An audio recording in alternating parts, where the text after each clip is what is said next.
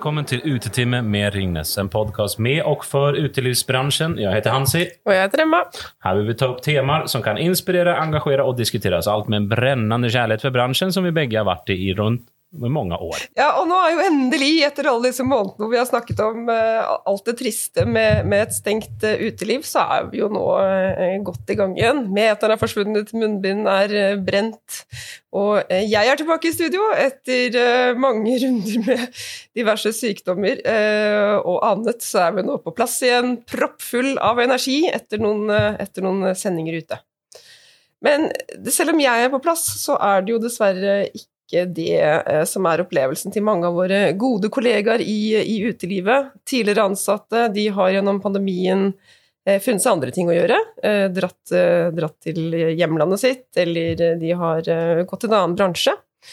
Og altfor mange opplever jo nå et skrikende behov etter folk. På kjøkkenet, servitører, folk i baren osv. Så det er jo litt det vi skal snakke om i dag, Hansi. Vi skal snakke om folka i bransjen i denne sendingen. Hvordan eh, trekke til seg folk, og, og, hvordan skal vi sørge for at vi beholder dem i bransjen, og dem inn i bransjen i det hele tatt, og uten å røpe for mye. Det kan jo høres ut som kompetanse er en nøkkel her. Ja, og dagens begge gjester er jo veldig opptatt av kompetansebygging i utelivsbransjen, fast med to ulike innfallsvinkler. Rolf Eivind Venstad er rektor og daglig leder for Norsk restaurantskole, og ønsker å løfte opp faget. De ønsker at eh, restaurant- og matfag skal bli førstevalget for dagens ungdom, og de vil at Norges internasjonale anerkjente mat- og vinkunnskap til unge skal bli satt litt mer i fokus. Rolf har nå en nok av personlig erfaring eh, å ta av med seg inn i skolen. Han har blant annet matedrit i hotell for Hotell Gabels, ursäkta uttalet, det fortsetter her. Restaurantsjef for Oslo Militær Samfunn og årrekke ansatt i Choice Hotel. Han har fagbrev som servitør, vinkelner, eh, vinkelen utdanning samt norsk bar- og diplomskole, og er medlem av servitørlaget KKHR, Norsk bar bartenderforening og Norsk Vinkelenforening og Kjendis Røtteseri. Den siste vet jeg at jeg uttalte feil. Syns du var flink, altså. Ja, og, og, når de er ferdig utdannet da, så, og er klare for et eh, liv i serveringsbransjen, da er det jo kanskje deg, Tarjei Hogstad, og en av Døgnvills fem restauranter de, eh, de kommer til. Du har eh, tidligere uttalt at det aller viktigste for meg er at vi skaper gode opplevelser for gjestene våre, slik at de ønsker å komme tilbake til oss. Og For å skape gode gjesteopplevelser så er det viktig at de ansatte er godt opplært og trygge på sine arbeidsoppgaver. Du sa også at når vi skal ansette nye medarbeidere, så ser vi etter personlighet og innstilling. Så her ligger det jo mye eh, hos dere i hvor viktig det er med, med, med riktige folk og, og godt kompetente folk. Og du og gjengen i Døgnvill, dere satser jo mye på kompetansebygging for å holde på de flinke folka. Og vi håper jo da at vi kan få noen konkrete tips og erfaringer på hvor dette har fungert, og hva dere begge ser for dere fremover. Mm. Men jeg ønsker å starte med deg, Rolf, og jeg vil gjerne høre litt om din historie. Hvorfor begynte du i restaurantbransjen, og så hvorfor har du startet denne eh, servitørfagskolen som du har der? Ja, jeg begynte i restaurantbransjen som en ren tilfeldighet hvor jeg satt på stampuben min, og sjefen hadde litt problemer med å finne personal til neste kveld. Så da kom spørsmålet kan en av dere ta førstevakt i morgen, og jeg hadde jo knapt nok tappa en øl i hele mitt liv, så det jeg tenkte at ja, dette, det får jeg til. Mm. Sånn begynte jeg i bransjen. Jobbet meg oppover, jobbet uh, ja, barer, kafeer, videre restaurant, jobbet hotell og resepsjon i mange år. Hvorpå jeg da etter hvert kom til uh, Oslo Militære Samfunn. Der ble jeg ansatt med forutsetning at jeg tok fagbrev som privatist så fort som overhodet mulig. Jeg begynte i mars, og januar året etter så tok jeg fagbrevet. Og uh, så var jo det på plass. Rykket opp til restaurantsjef, begynte som hovmester. Og så gikk det et par år, så kom spørsmålet om vi ikke skal videreutvikle oss, og da ble det vinkelneren. Så nå har jeg altså en ordentlig, relativt bred utdannelse innenfor restaurantfag på servitørsiden. Um, ja. Og så servitørskolen som du har starta nå, hvordan kommer det her til et Ja, det er nok en tilfeldighet. Eh, Norsk restaurantskole er stiftet av restaurantbransjen i Oslo, ledet an av Lærlingkompaniet, som er opplæringskontoret for hotell- og restaurantfag i Oslo og tidligere Akershus. Der er også Oslo Militære Samfunn en av medstifterne. Så når koronakrisen satte inn, så kom spørsmålet om jeg kunne tenke meg å ta et år permisjon som eh, restaurantsjef og heller være rektor et år. Etter ca. én natts betenkelsestid så sa jeg jo, det kan vi prøve på.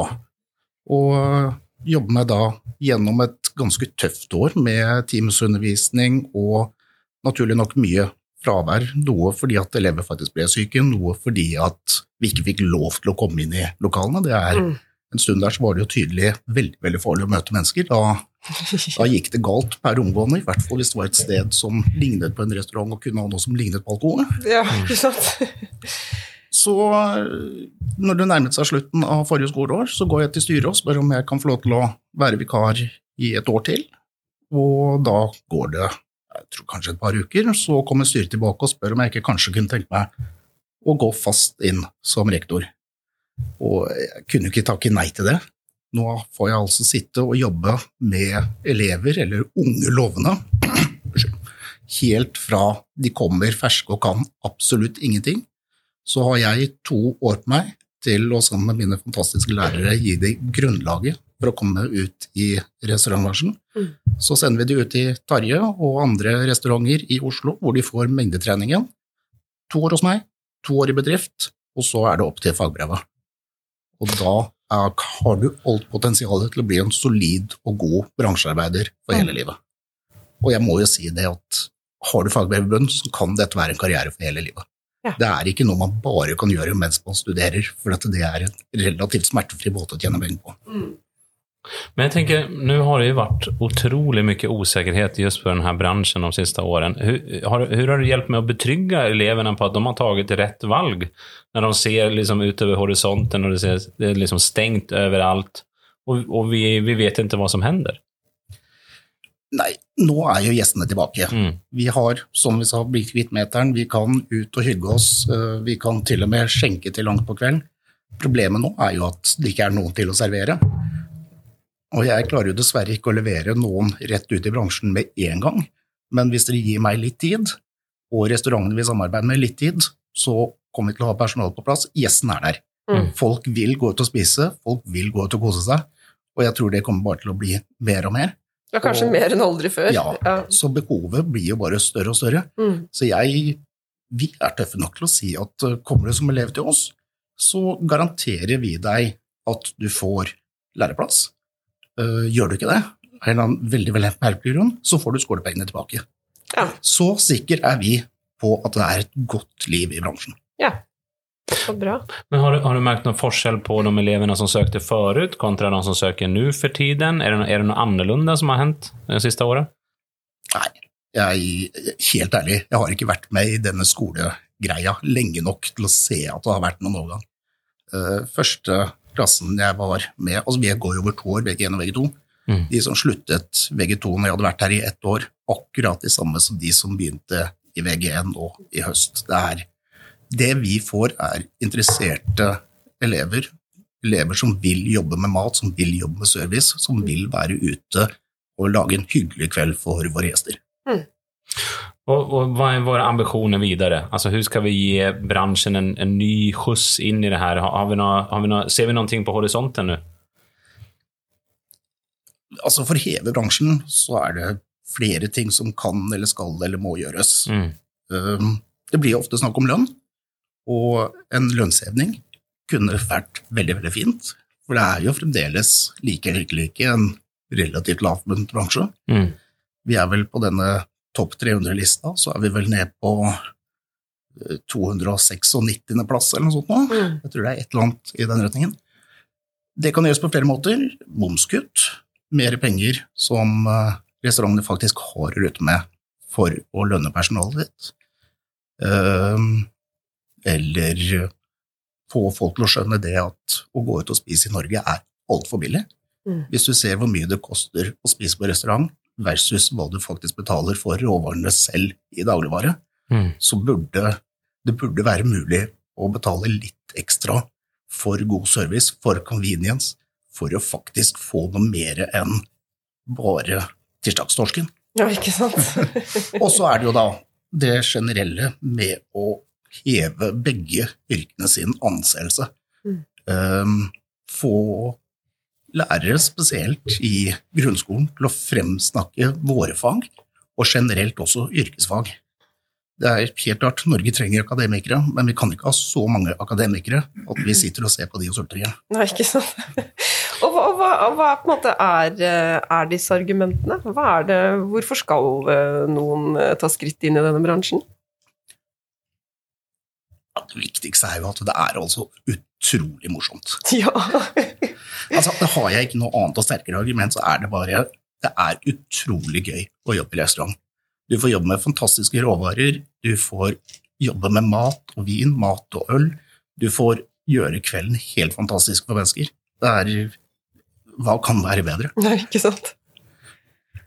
Absolutt. Og eh, kan jeg spørre deg litt, Tarje. Hva, hva er dine tanker rundt dette? Hvordan er det, hvordan er det vi skal eh, få folk til, eh, tilbake, eller nyrekrutter, nyrekrutterte inn? Ja, vet du hva? Jeg har tenkt en god del på det. Og det er jo som det blir sagt, eh, det er en veldig morsom bransje. Jeg tror, man, eh, jeg tror det er veldig viktig at vi synliggjør de mulighetene som faktisk er. Mm. Og For en stund siden så prøvde vi å sette oss ned og tenke ok, hva kan jeg faktisk gjøre da, eh, når jeg startet i restaurant. Og det er klart, eh, Har lyst på en ledelseskarriere, så er det nesten bare å rekke opp hånda, så blir man jo hovmester. Mm. Eh, Det, er veldig, det er en rask vei til å bli leder. Mm. Er man interessert i mat og drikke, så er det jo Det sier seg selv at det er det vi skal begynne med. Ønsker man å starte for seg selv, så kan det være en flott skole til å begynne med nytt og kreativt. Og sist, men ikke minst, hvis man ønsker å jobbe eh, med en fast, eh, trygg bransje, kan man jo si, for det, er, eh, det kommer ikke til å forsvinne med det første, og det er en bransje i voldsom vekst. Mm. Og jeg tenker at det, det går an å få ut de forskjellige eh, elementene som gjør det interessant, da, eh, om dere vil. Mm. Jeg, min, min innfallsvinkel er jo egentlig Jeg var jo egentlig kun interessert i å jobbe i militæret. Veldig glad jeg ikke gjør det nå, for øvrig, men eh, altså, det, var, det, var, det, var, det, var, det, var min, det var det eneste jeg tenkte på når jeg var tenåring. Eh, Så ødela jeg eh, kneet mitt eh, dag eh, syv på befalsskolen og måtte dra hjem igjen. Eh, Og så er jeg veldig interessert i musikk. Og da endte jeg opp med omtrent som, eh, som deg. Eh, Jeg rakk opp hånda, og så eh, sa jeg at jeg hadde jobbet i bar før, og så fikk jeg en barjobb. eh, uten å skjønne noen ting. Det var en gjest som kom og spurte om screwdriver, og jeg bare fader, hvor ligger verktøyet hen? jeg satt der og hørte på kul musikk da, og fikk være med på noen livesendinger og, live, eh, og syntes det var spennende. Og, og, og etter hvert så skjønte jeg at det her er noe jeg virkelig ønsker å holde på. Jeg syns det er utrolig gøy. og jeg elsker å høre argumentene dine. Altså det, det, det, det å møte folk og sørge for at du la, er med på å sette rammene rundt de hyggelige møtene. Eh, bli, altså, bli kjent med folk, kjent med byene, kjent med mulighet for reise. Og det er jo et annet argument som må tas fram. Det, det, altså, kan du lage mat eller servere drinker, eller er vinkeller, så kan du i prinsipp jobbe hvor du vil. Mm. Har du lyst til å reise til en storby, har du lyst til å reise til en bitte lite sted, en, en fantastisk restaurant, altså, jobb får du. Mm. Uh, så det er uh, Det er de tankene jeg har gjort rundt det. Og kan du ikke fortelle litt også om hvordan, hvordan dere har bygget opp deres stab? Hvordan er det dere tenker når dere, når dere rekrutterer, og, og videre når de har kommet inn til dere? Ja, altså Vi skiller eh, mellom to altså, vi, skjønner, Det ene er de som kommer og jobber hos oss eh, i to år. Som er liksom det minimum vi ønsker at folk er hos oss. Og det er jo gjerne studenter. Eh, folk som trenger noe penger ved siden av. Eh, noen som er ny i byen, har kanskje lyst til å, å, å få seg en sosial omgangskrets. Eh, og så har vi de som eh, har en mer langsiktig plan. Og da deler vi opp både rekrutteringen og opplæringen ut fra hvor eh, langsiktig deres, eh, deres plan er. Eh, og vi ønsker i prinsipp at våre folk blir så lenge som mulig. Altså vi, og det, det å flytte og rekruttere er jo ikke noe gøy. Det, jo, det er, tar jo masse tid, og det er eh, krevende, og det er ressurskrevende, ikke minst. Eh, det er mye mye bedre å, å, ta vare på de som er, og sørge for at de blir lengst mulig. Mm. Eh, og, og, og, og, for å gjøre det Det, det, det, det er jo en eget program. det, det vi prøver, er jo da å eh, tilby en karrierevei. Eh, vi har flere tilfeller hos oss hvor folk har eh, startet ja, som oppvaskhjelp og endt opp som kjøkkensjef. Vi har hatt uh, folk som har vært med oss i årevis, uh, fått sin egen restaurant. Vi har andre som har gått videre til andre firmaer. Vi jobber som driftssjefer. Altså, vi ønsker virkelig at folkene våre skal utvikle seg. Mm. Uh, og for å få til det, så må vi kurse dem. vi må gi dem utfordringer. Vi må tørre å, å gi folk muligheten. Mm. Altså slippe folk løs, gjerne litt på dypt vann, kanskje. Så jeg uh, lærer folk å, å, å ta avgjørelser. Uh, og der kommer jeg inn på noe som er uh, veldig viktig for oss når det gjelder uh, å bygge personligheter. Det er det å oppfordre til å ta en avgjørelse. Mm. Og i min verden så er det verste man kan gjøre, det er å ikke ta en avgjørelse. Altså Man kan si ja eller nei, eller høyre eller venstre. og Det kan hende at det var feil å si ja, man skulle egentlig sagt nei. Men i hvert fall da kom det noen, tok en avgjørelse, og så kan vi diskutere etter det hvorvidt det var eh, rett legalt. Mm. Altså, Jeg håper jeg har litt ballast i bakgrunnen her, selvfølgelig. Men dere skjønner hva jeg mener. Altså, eh, hvis det er et spørsmål om noe som skal gjøres, ok, greit, eh, svar. Her er svaret. Flott, da går vi videre. Men for å vite at de menneskene kan svare på rett måte, så må vi bygge inn kulturen, og den begynner vi fra dag én. Altså, vår hovedtese det er det at alle gjestene skal ha det bra, sånn som du mm. nevnte i stad. Mm. Eh, altså, eh, viktigste for oss er at folk som kommer, er fornøyde. Det er det eneste. Og Derfor skal alle som er hos oss, vi skal vite én ting. Hvis vi tar en avgjørelse som medfører at gjesten kommer tilbake igjen, så er den avgjørelsen rett. Mm. Hvis vi tar en avgjørelse som medfører at gjesten ikke kommer tilbake igjen, så er den avgjørelsen feil. Ja. Og Det er liksom grunntanken. Og så må vi selvfølgelig modifisere dette etter for litt lese kartet etter hvert som terrenget utvikler seg osv. Men hvis du tar den avgjørelsen, og du tenker at det her er gjestens beste, mm. og det gjør at denne gjesten her kommer til å bli steinfornøyd og komme tilbake igjen, Flott. Da var, den, da var, det rett. Da svarte du ja. Det var akkurat sånn det skulle være. Uh, og, og, der begynner vi egentlig på mm. å, å bygge uh, kulturen. Mm. Merker dere noen forskjell på de som kommer fra sånn type uh, fagbakgrunn og, og, og, på en måte det, det, det selvlærte, litt den der viktigheten av formalkompetanse versus praktisk erfaring? Ja, vi gjør jo det. Mm. Det er jo klart, det er jo ikke noe hemmelighet at uh, jo mer formell kompetanse, jo bedre. Det, mm. det er jo uh, det er jo helt åpenbart. Men det er klart det er jo få som søker. og vi har også altså Selv på kjøkkenet så er det jo formell kompetanse så å si det, helt uten tvil svært, svært viktig. I restauranten så har vi noen med formell eh, erfaring. Eh, og hvis ikke så jobber vi da som å bygge opp. Men det er viktig at vi har en, eh, en opplæringsplan eh, som gjør at folk lærer seg det tekniske, eh, det tekniske med å være servitør, da, eller det tekniske med å jobbe i restaurant, om dere vil.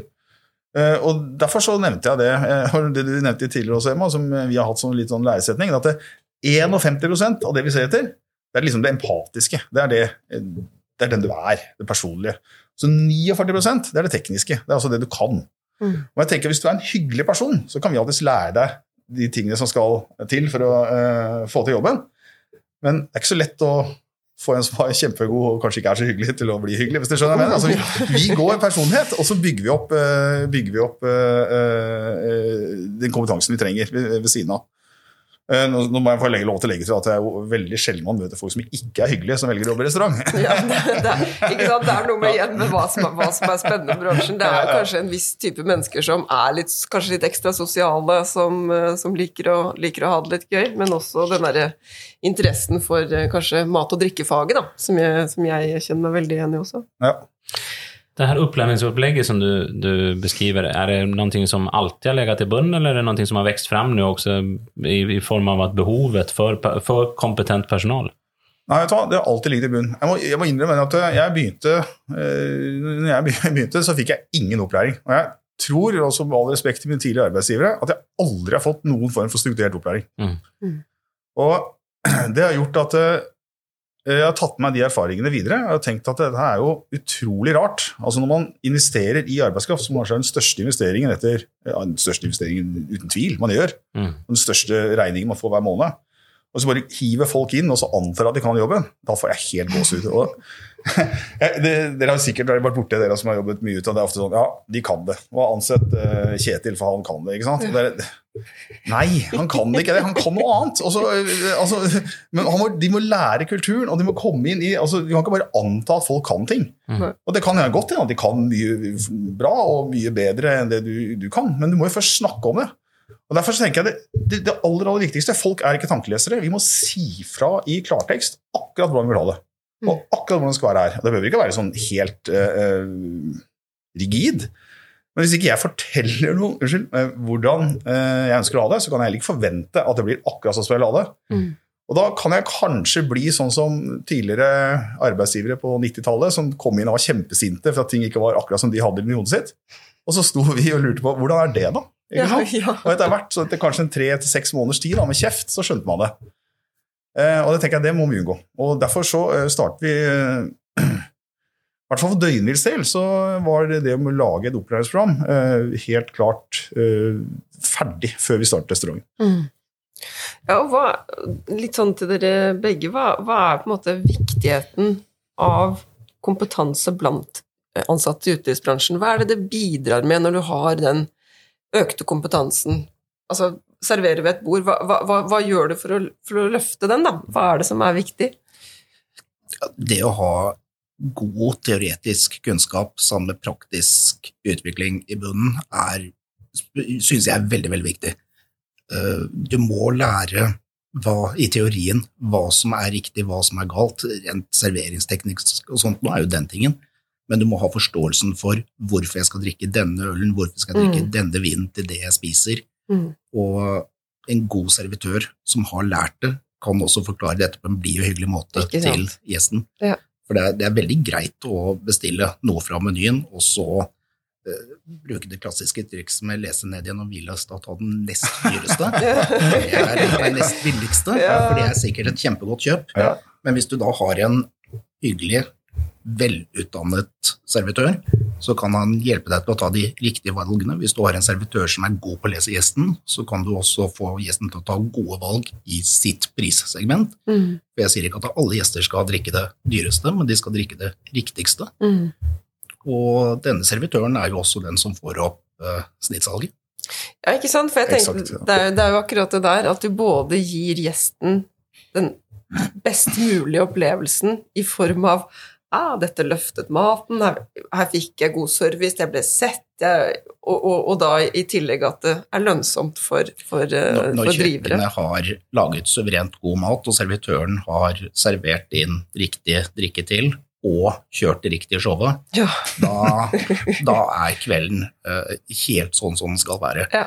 Da er det ikke luft i restauranten lenger, da er det bare atmosfære. Ikke sant? Du Det var veldig godt sagt. Ja. jeg tenker, når du beskriver, jeg er enig med allting du sier, men, men hvorfor tror du da at vi har så lite faglærte servitører der ute? Hadde jeg visst det, så hadde det vært mange flere faglærte, helt sikkert. Ja. For da hadde jeg skjønt noe som vi, ingen av oss helt har skjønt. Jeg, det er nok litt med det at det fremdeles er en sånn tanke om at en servitør er en transportarbeider. Ferdig med det. Mm. Det er liten forståelse for all kunnskap som ligger om mat, om drikke, eh, hvordan behandle folk, hvordan lese folk, eh, hvordan skjønne det at du står og prater med ett bord, og du er skikkelig kamerat, og alt er greit, og så snur du deg rundt, og der sitter det da fire fremmedfruer, alle kledd i lilla, og da er det bare å slå over til de. Ja. Nå er det kanskje ikke så mange av de stedene lenger, men, men det at man lærer seg å lese folk, skjønne hva som er situasjonen, hvem som skal behandles, hvordan, det er dels gjennom trening i bedrift, Mm. absolutt, men også ha, ha en fagkunnskap i bunnen som du er trygg på, Mm. så blir det så mye lettere å sette seg inn i situasjonen og, og kjøre det riktige skuespillet for hvert bord. Mm. For å være servitør, det er litt å være skuespiller. Ja, jeg jobber som servitør selv, det vet jeg allt om. Det ni beskriver är ändå eh, två stycken tillfälligheter varför ni valde era karriärval. Hur, hur, hur får vi de här tillfälligheterna in i en funnel, in i liksom ett karriärval för folk och, och, och, gå, eh, alltså, och gå rätta vägen? Alltså, vi ska starter helt på toppen, så må alle politikere som er interessert i norsk arbeidskraft begynne å snakke fram våre fag og alle yrkesfag. Det, er, det er absolutt sted å begynne. Så må lærere i grunnskolen fortelle at det er ikke noe farlig å ta et yrkesfag. Mm. Det gir deg faktisk en trygg fremtid. Eh, Så må vi også lære alle våre gjester at servitører, kokker, det er mennesker som du skal ha respekt for. Det er ikke, vi er ikke lakei lenger. Og det er fantastisk morsom jobb. Fortell alle de unge at her har du muligheter for en livslang karriere, Mm. hvor du kan ha det veldig mye gøy. Og hvis ting går riktig, så kan vi også få litt respekt fra de rundt oss. Mm. Och du, Det hørtes litt dystert er men du, du pratade tidigare om det här med, med vi borde öka lönen. Alltså för där känns det lite som hönan eller ägget. De säger att eh, vi kan inte öka lönen för då går det ut över, över dagledares eh, profit, eller ägares profit. Och sen, men, men har vi någon idé, har du några idéer eller förslag på hur vi skulle göra det här? Kutt restaurantmomsen ned til matmoms. Det kunne vi alle bli glad for. Det hadde vi vært veldig glad for. Ja. Ja, for det, det er litt utfordrende det du sier der, Hansen. Hansi. Nå skal ikke jeg være eh, be for min syke mor, liksom, men, men uh, du kan jo si det at det går utover restauranternes profitt. Men nå er det få bransjer som har noe spesielt smalere marginer enn det restaurant har. Ja. Så det er klart det skal ikke så forferdelig mye til, uh, verken av lønnsøkning eller, eh, eller vareøkning, før eh, det ikke finnes noe profitt i det hele tatt. Nei. Eh, Så jeg nok eh, jeg, jeg, jeg også stemmer for ting som matmoms, Ja. og selvfølgelig det at vi må, eh, vi må være stolte av å ta betalt Ja. for skikkelige råvarer. Ja. Mm. Og jeg tenker, det å kunne servere det på en ordentlig måte, det å lage det showet vi snakker om her, Ja. eh, selge det avbrekket hverdagen, den ene timen man kan være noen andre, bli vartet opp, ha det, få gode viner, teste godt øl, spise noen gode retter, le litt med venner, se noe rart. Altså, eh, det er verdt noe, altså. Ja. Og ofte så hører jeg folk si at den eh, vinen koster jo bare så og så mye på polet, eller den her kan jeg lage selv hjemme. Så ja, lag en selv hjemme, da. Ja. Men du får ikke det andre. Nei. Du får ikke slurret liksom, av stemmene bak, og det glasset som knuser, og tingene som skjer, og, og alt som Du får ikke samtalen, og du får ikke musikken, og du får ikke dukene eller det nypussa bestikket. Altså, det er så mye annet som ligger i bunnen her, som skaper opplevelsen. Og den må vi nok etter hvert eh, betale for, Ja. mm. på en helt annen måte enn vi gjør nå. Og det syns jeg faktisk kanskje kan være noe positivt med korona, eh, er at vi må sette opp prisene. Og for å være konkurransedyktig, så er vi også nødt til å gjøre noe med lønnsstrukturen i, mm. i restaurant. Men, hur, men hur, hotell. ja, hur är Ja. vi eniga om det samman då? För det verkar ju inte, vi har pratat med en hel del restaurantörer här i, i podden och det verkar inte som att alla är helt samlade. Vad, vad, hur, hur ska vi samla oss angående det här? Alltså antingen um, kämpa för matmomsen eller, eller, eller uh, höja priserna. För jag menar, om restaurang A höjer priserna och restaurang B inte gör det så, så ser man ju lite sämre ut. Ja, men spørsmålet er, Hvis restaurant A høyer prisene og samtidig tiltrekker seg arbeidskraft, eh, så lugger det kanskje litt en periode, men etter hvert så blir det bare sånn. Mm. Nå, sier jeg ikke, altså, nå, går jeg ikke her og argumenterer for 50 prishopp, Nej. men jeg sier at når vi ser, eh, sånn som nå, i den situasjonen vi har vært i, og, nå også, som er ekstrem, og, og prisene går opp 10-25% hele tiden, Ja. så er vi nødt til å sette prisene, ellers så går det ikke. Eh, og det tror jeg det er forståelse for ute i eh, samfunnet også. Ja. Mm. Eh, For vår egen del så har vi satt opp prisene eh, oftere nå enn vi har gjort tidligere, og vi har ikke hatt én kommentar på det. Eh, Og det tenker jeg at man, Så lenge det oppleves som verdi for pengene, Mm. så er det greit. Og det er kanskje enda mer sånn nå, da, etter at man har sittet hjemme på hver sin Ja, ja, ja, i, to år, at det, det Ja. føles virkelig verdt det. Ja, Eh, altså, merker du noen endring i de som kommer ut? Er det måtte, De har lengtet etter The Roaring Twenties, og så ut at de ble utsatt en stund til. ja. Nei, vet du hva. Jeg, den følte vi veldig eh, i sommer. Mm. Veldig. Når det åpnet opp igjen, var det jeg husker jeg, var det i september? Ja, var Ja, det var ikke det ikke? Jo, da var det The Roaring Twenties, altså. Det, vi, vi hadde, det tror jeg var generelt for utelivet, eh, en omsetningsrekord. Mm. Og det var henda i hæla i taket. Altså, det var enormt trøkk. Eh, Den har kanskje roet seg litt nå, eh, men allikevel så ser vi at det er, altså det er er glade mennesker som er ute. Og jeg tror Mm. også jeg tror også at byen kommer til å bli brukt eh, mer muligens enn den var før. Mm. For det er, det er en annen ting jeg har tenkt litt på, og det er det med hjemmekontor Mm. og skjermer. Og det, så føler jeg kanskje at det fysiske møtet da, blir et luksusgode. Ja. At det Det er kunne ha helt enig. Mer og mer viktig. Mer- ja, skal ja, ja. komme ut og se mennesker på ordentlig. Og så må man liksom øve seg litt på å være sosial. da. Ja, ja, Det er sånn, det er det. Ja, må jo bli det. Og, og så tenker jeg en annen ting. Er det, når alt blir så perfekt, altså alt skal være stekt på en maskin eller servert av en robot bare perfekt, Er ikke det kjedelig, eller? Hvem vil ha perfekt, da? Mm. Ingen som vil ha perfekt. Altså Man kan ha variasjoner av veldig veldig bra, det er jeg med på. Mm. Men at alt skal være helt perfekt og helt lik hver gang, det høres nitrist ut. Ja. Det gir jo ingen rom for spenning. Det er jo veldig hyggelig om hver eneste rett kommer ut med litt kjærlighet og litt personlighet. Exakt, Ja. Ja, ja. Og, og helst uten at den er bestilt på en QR-kode. ja, ja de QR-kodene de, eh, de hadde jeg håpa var på eh, historiens eh, søppeldynge for lengst, men nå ser det ut som vi lever med de.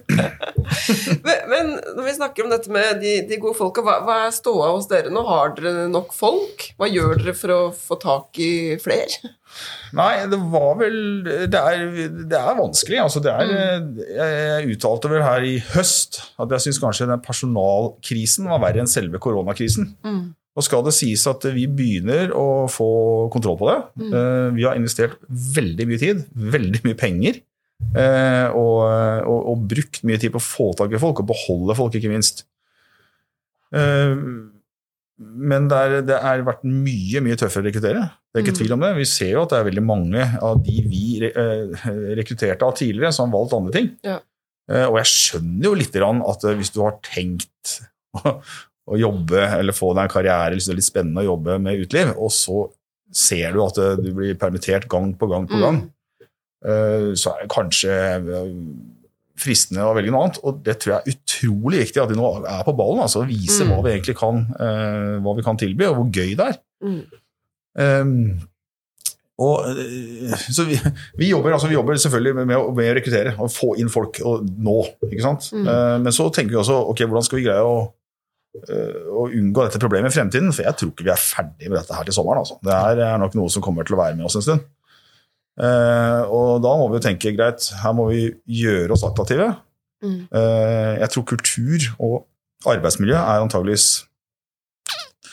nøkkelen, da. I hvert fall for den en enkelt restaurant som skal tiltrekke seg folk i et eh, tight marked. Mm.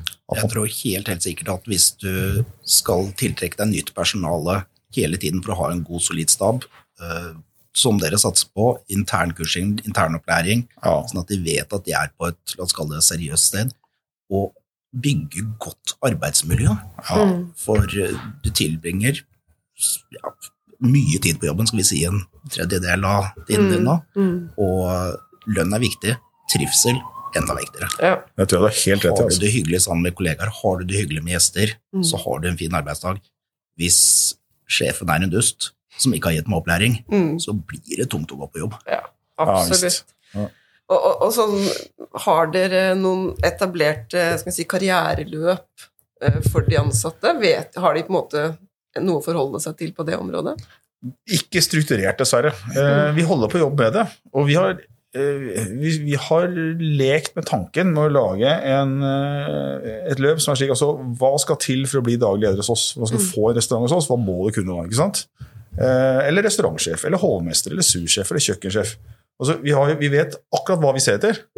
Eh, vi har ofte gått individuelt ut til de som er interessert, og Mm. snakke med de, coacher de osv. Men der ønsker vi faktisk å gå enda mer strukturert ut og si, eh, om ikke en trainee, så i hvert fall si ok, greit, eh, dette er vi ser etter. Har du det, så er du med på eh, Er du interessant når vi eh, velger ut nye ledere. Mm.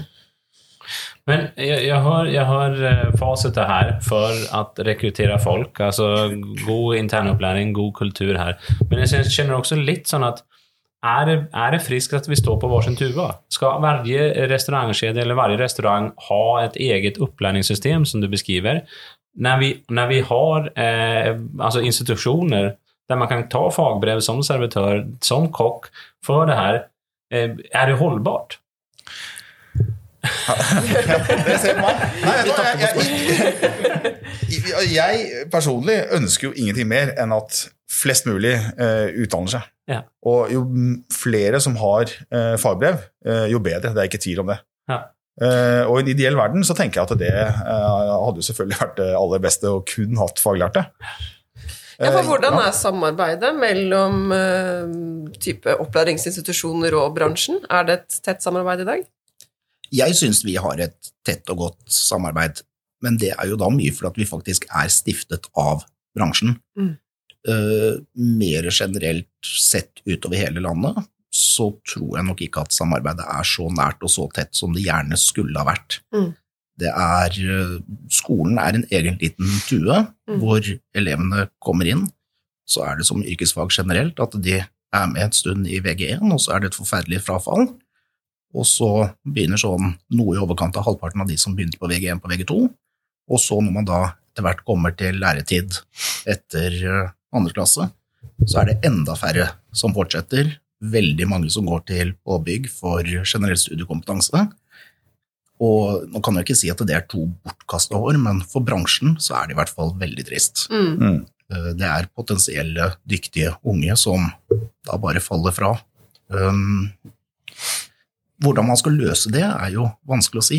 Vi jobber jo med å ha veldig mye utplassering gjennom hele utdanningen hos oss. Vi begynner jo allerede sånn femte-sjette uka på VG1, så er de første utplassering i bedrift. Eh, Da skal de ut og besøke, eller være fire dager i en restaurant, på kjøkken eller i service. Eh, Og så prøve da å rullere sånn at de får prøvd seg i alle avdelinger. At de får prøvd seg både ut i mindre restauranter, på hoteller, på storkjøkken, og får en bred erfaring med bransjen før de begynner, i det hele tatt begynner å nærme seg læretid. Mm. På VG2 så er det én dag i uka hvor de er i utplassering. Noen rundt på litt forskjellige steder. Andre som da eh, allerede har klart hvor de skal ut i lære. eh, Som gjerne er da er på utplassering på dette stedet for å bli kjent med stedet og være litt varm der allerede i forkant av å skulle ut i lære Mm. på høsten. Spennende. Og, dette, og dere jobber jo først og fremst med Oslo, ikke, ikke sant? Ja, altså Vi ligger i Oslo, Mm. men vi er en friskole, og det betyr at Norge er vårt inntaksområde. Mm.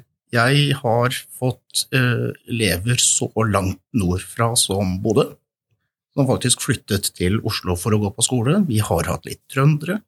Vi har flere elever som uh, pendler inn fra gamle Østfold. Så nedfallsområdet er forholdsvis stort, men det er klart hovedvekten er jo fra Oslo og omliggende kommuner. Mm. Mm. Jeg tenkte litt på dere også, Terje, for dere er jo i Stavanger, Trondheim altså Dere er litt rundt omkring. Er det noen forskjeller eh, sånn eh, rundt i landet, eller er det ganske likt? relativt likt. Nå skal jeg si at vi har eh, Jeg har gått på Hotellhøgskolen. Eh, Og vi har et samarbeid med, med hotellskole, eller Norsk hotellhøgskole, da, på eh, rekruttering. Hvor vi, er inne, i en mentorordning som vi har vært med på, og, og også er med på sånne karrieredager.